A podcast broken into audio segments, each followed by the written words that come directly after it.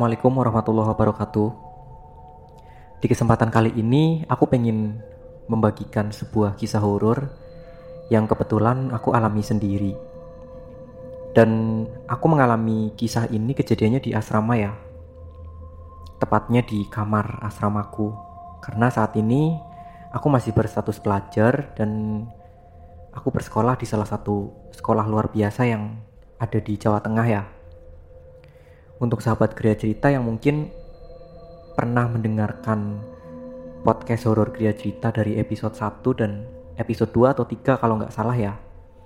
Aku agak lupa. Pokoknya judulnya dulu di rumah kakek sama tek-tekan. Di situ aku menceritakan kejadian horor yang aku alami waktu aku masih kecil dan sedikit banyak aku menyinggung keadaannya aku di mana aku merupakan seorang penyandang disabilitas tunanetra. Dan saat ini aku masih bersekolah di salah satu sekolah luar biasa yang ada di salah satu kota di Jawa Tengah. Kenapa aku nggak menyebutkan nama kotanya? Karena di setiap kota itu SLB cuma ada satu dua ya. Jadi kalau misalnya aku sebutin nama kotanya, pasti langsung ketahuan aku bersekolah di SLB yang mana. Dan ini menyangkut privasi tempat dan privasi sekolahku. Dan sebelum aku bercerita, aku pengen ngucapin makasih banyak buat kalian yang selalu setia dengerin podcast horor Gria Cerita dan buat sahabat Gria Cerita yang udah subscribe Gria Cerita channel di YouTube, makasih banyak. For your info, aku merupakan seorang penyandang tunanetra tapi aku masih low vision ya. Low vision itu merupakan seorang penyandang tunanetra tapi dia tuh masih mempunyai sedikit penglihatan ya. Dan setahu aku, low vision itu juga terdiri dari beberapa kategori ya ada low vision jauh, low vision dekat, dan low vision sedang. Tapi aku lupa istilah-istilahnya. Istilah untuk low vision jauh itu apa, low vision dekat itu apa, dan low vision sedang itu apa. Tapi yang jelas aku termasuk low vision dekat ya. Jadi jarak pandangku tuh mungkin sekitar 1 atau 2 meter ya. 2 meter aja kayaknya udah nggak terlalu jelas gitu. Jelas banget. Itu kalau satu meter setengah gitu ya itu jarak satu meter setengah itu aku masih lumayan jelas. Tapi kalau udah 2 meter ya udah nggak terlalu jelas. Kenapa aku menerangkan atau menjelaskan tentang penglihatannya aku? Karena di sini aku ingin menceritakan sebuah sosok yang aku lihat dan aku dengar. Jadi biar teman-teman gak bingung katanya tunanetra aku bisa lihat. Aku jelasin kalau aku masih sedikit mempunyai sisa penglihatan walaupun gak terlalu jauh dan karena aku low vision dekat berarti sosok yang aku lihat itu berada di jarak yang cukup dekat sama aku ya. Mungkin satu meter lebih atau bahkan kurang dari satu meter. Aku tinggal di asrama mungkin sekitar enam tahun. Karena emang dari aku masuk SMP itu aku udah mulai tinggal di asrama ya. Jadi kalau dihitung-hitung ya kurang lebih enam tahun lah dan kejadian ini aku alami waktu lagi liburan sekolah ya. Saat itu bulan Desember tahun 2018. Kami lagi liburan Natal dan tahun baru ya karena waktu itu akhir Desember. Tapi saat itu lagi liburan aku harus berangkat karena uh, grup band aku di sekolah itu ada job ya mau dipakai band sekolah itu mau dipakai ada job jadi aku harus berangkat karena aku termasuk salah satu personil dari band sekolah itu. Saat itu aku sebagai gitaris. Dan kebetulan anak yang satu band sama aku itu asramanya nggak satu asrama sama aku ya. Dia di panti yang berbeda. Kalau aku di asrama sekolah, tapi kalau uh, teman-teman aku yang satu band, mereka itu tinggal di kayak uh, panti PSBN gitu ya. Dan waktu itu aku berangkat di asrama tuh sepi banget. Karena emang lagi liburan ya jadi anak-anak yang tinggal di asrama kan pada pulang semua kan. Dan di situ cuma aku sendirian. Jadi teman-teman tuh bisa bayangin ya gimana sepinya di asrama sendirian. Dan asrama itu emang agak-agak angker ya. Karena kalau aku dengar selentingan-selentingan dari orang yang bercerita itu katanya asramaku dulunya tuh bekas pemakaman Belanda gitu ya. Sekitar tahun 40 atau 50-an itu di daerah situ tuh masih pemakaman Belanda dan yang sekarang jadi bangunan sekolah itu dulunya tuh sawah ya dan area kayak perhutanan gitu masih semak belukar gitu. Dan saat itu aku latihan band itu sore sama malam ya. Jadi sore dari jam setengah tiga sampai jam setengah enam terus malamnya dari habis isya sampai jam 9 dan waktu itu aku pulang latihan band tapi saat itu aku di asrama masak nasi sendiri ya karena emang kan lagi liburan jadi ya tukang masak di asrama itu pulang jadi aku harus masak nasi sendiri. Tapi untuk lauknya aku harus beli. Dan waktu itu sepulang latihan band aku langsung keluar dan beli lauk ya aku cari lauk. Pulangnya suasana tuh bener-bener sepi banget ya. Di jalan tuh aku udah ngerasa kalau aku tuh ada yang ngikutin dari belakang tapi ya udahlah mungkin itu cuma perasaannya aku gitu ya. Dan alhamdulillahnya juga nggak ada apa-apa sampai aku masuk ke dalam asrama aku makan itu nggak ada apa-apa. Oh iya waktu itu band aku tuh diharuskan menggarap musik etnik ya.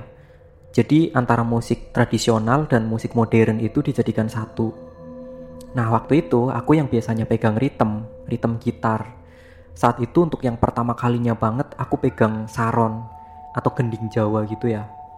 Nah, saat aku lagi nyuci piring, itu aku tuh kayak denger ada suara gending Jawa dan alunannya tuh persis kayak yang aku mainkan waktu aku lagi latihan. Awalnya aku masih mengira kalau itu suara TV ya, tapi kalau suara TV, TV siapa gitu kan. Karena di asrama aku nggak bawa TV dan kebetulan rumah pembimbing juga jauh dari asramaku. Walaupun ada salah satu pembimbing yang beliau tuh tinggal di asrama ya dan jarang pulang. Tapi eh maaf bukan asrama tapi rumah dinas ya. Tapi rumah dinas beliau itu jauh dari asramaku ya. Walaupun masih di lingkungan sekolah dan asrama tapi rumah beliau tuh cukup jauh dari asramaku. Jadi rasanya tuh nggak mungkin kalau beliau nyalain TV terus TV-nya tuh sampai kedengeran ya ke asramanya. Aku tuh nggak mungkin karena itu juga udah malam kan. Nyalain musik keras-keras juga nggak mungkin juga dan aku yakin banget kalau alunan gending Jawa itu merupakan variasi yang lagi aku pelajari gitu loh yang lagi aku latih buat karapan musik etnik di band aku nantinya. Semakin aku dengarkan suara gamelan itu semakin nyata ya dan aku semakin yakin kalau itu merupakan variasi musik etnik yang lagi aku garap. Tapi lama kelamaan suara itu hilang ya.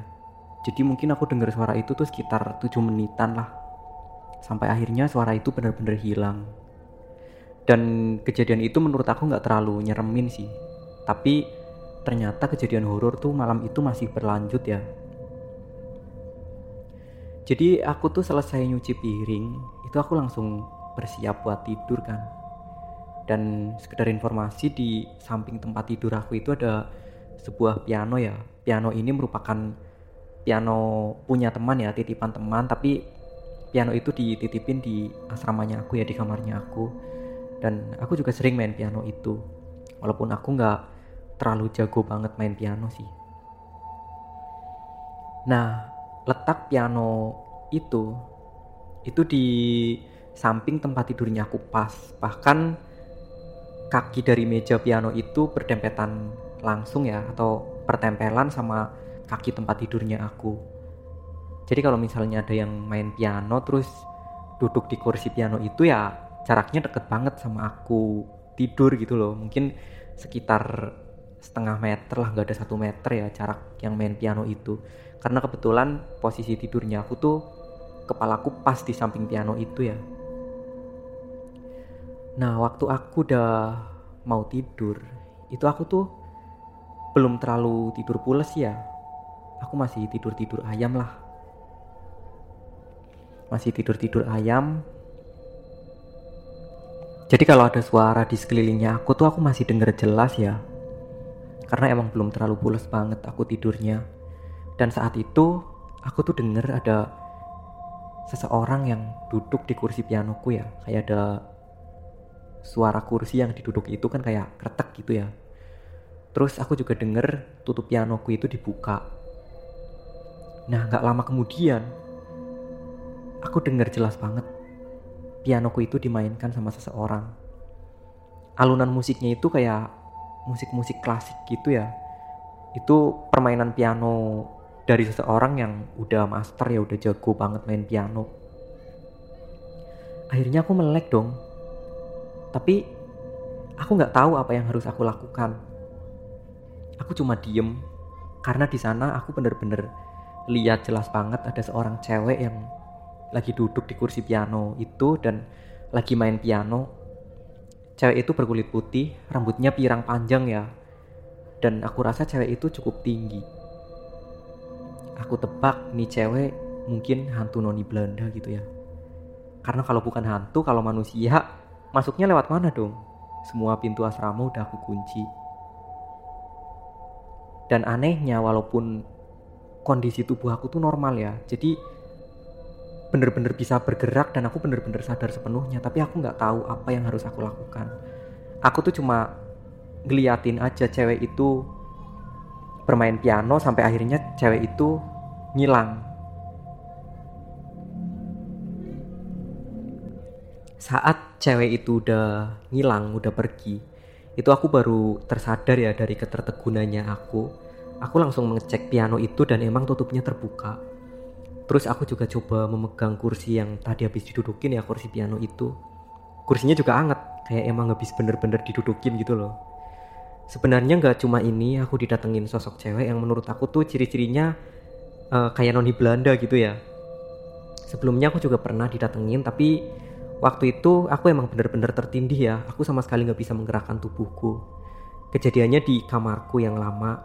Aku selama di asrama ini pernah berpindah-pindah kamar sampai empat kali ya. Nah waktu itu di kamarku yang lama aku lagi tidur siang. Terus tiba-tiba ada sosok cewek yang ciri-cirinya hampir sama kayak yang aku sebutin tadi. Dia tuh langsung datang dan aku mohon maaf banget ya, dia langsung menindih aku. Jadi aku tuh tidurnya posisinya terlentang. Ini maaf banget, dia langsung menindih aku posisinya tengkurap gitu. Aku bener-bener ngerasain tubuh dia tuh kayak kapas gitu ya. Dan tubuhnya tuh bener-bener dingin dingin banget. Aku bener-bener ngerasain banget. Ini mohon maaf banget karena uh, mungkin posisinya kurang pantas buat diceritain gitu ya. Tapi ini untuk gambaran aja. Dan sebenarnya banyak banget cerita-cerita horor yang aku alami selama aku bersekolah dan aku tinggal di asrama ya tapi mungkin bakalan aku ceritain lain waktu aja soalnya kalau aku ceritain semua bakalan panjang banget ya mungkin kapan-kapan aku bakalan cerita lagi tentang kejadian horor yang aku alami di asrama dan di sekolahku. Dan mungkin segini dulu ya cerita yang dapat aku bagikan sama teman-teman semua. Aku mohon maaf apabila cara penyampaianku dalam bercerita tuh mungkin agak gelibet apa gimana atau mungkin ada kata-kata yang kurang berkenan. Aku mohon maaf yang sebesar-besarnya. Buat teman-teman yang mungkin pernah mengalami kejadian horor, boleh berbagi kisah bareng aku di sini ya, bareng kami di sini melalui email kriacerita@gmail.com atau melalui WhatsApp yang nanti nomornya aku sisipkan di description box. Dan mungkin segini dulu dari aku, sampai jumpa di episode yang selanjutnya. Wassalamualaikum warahmatullahi wabarakatuh. See you.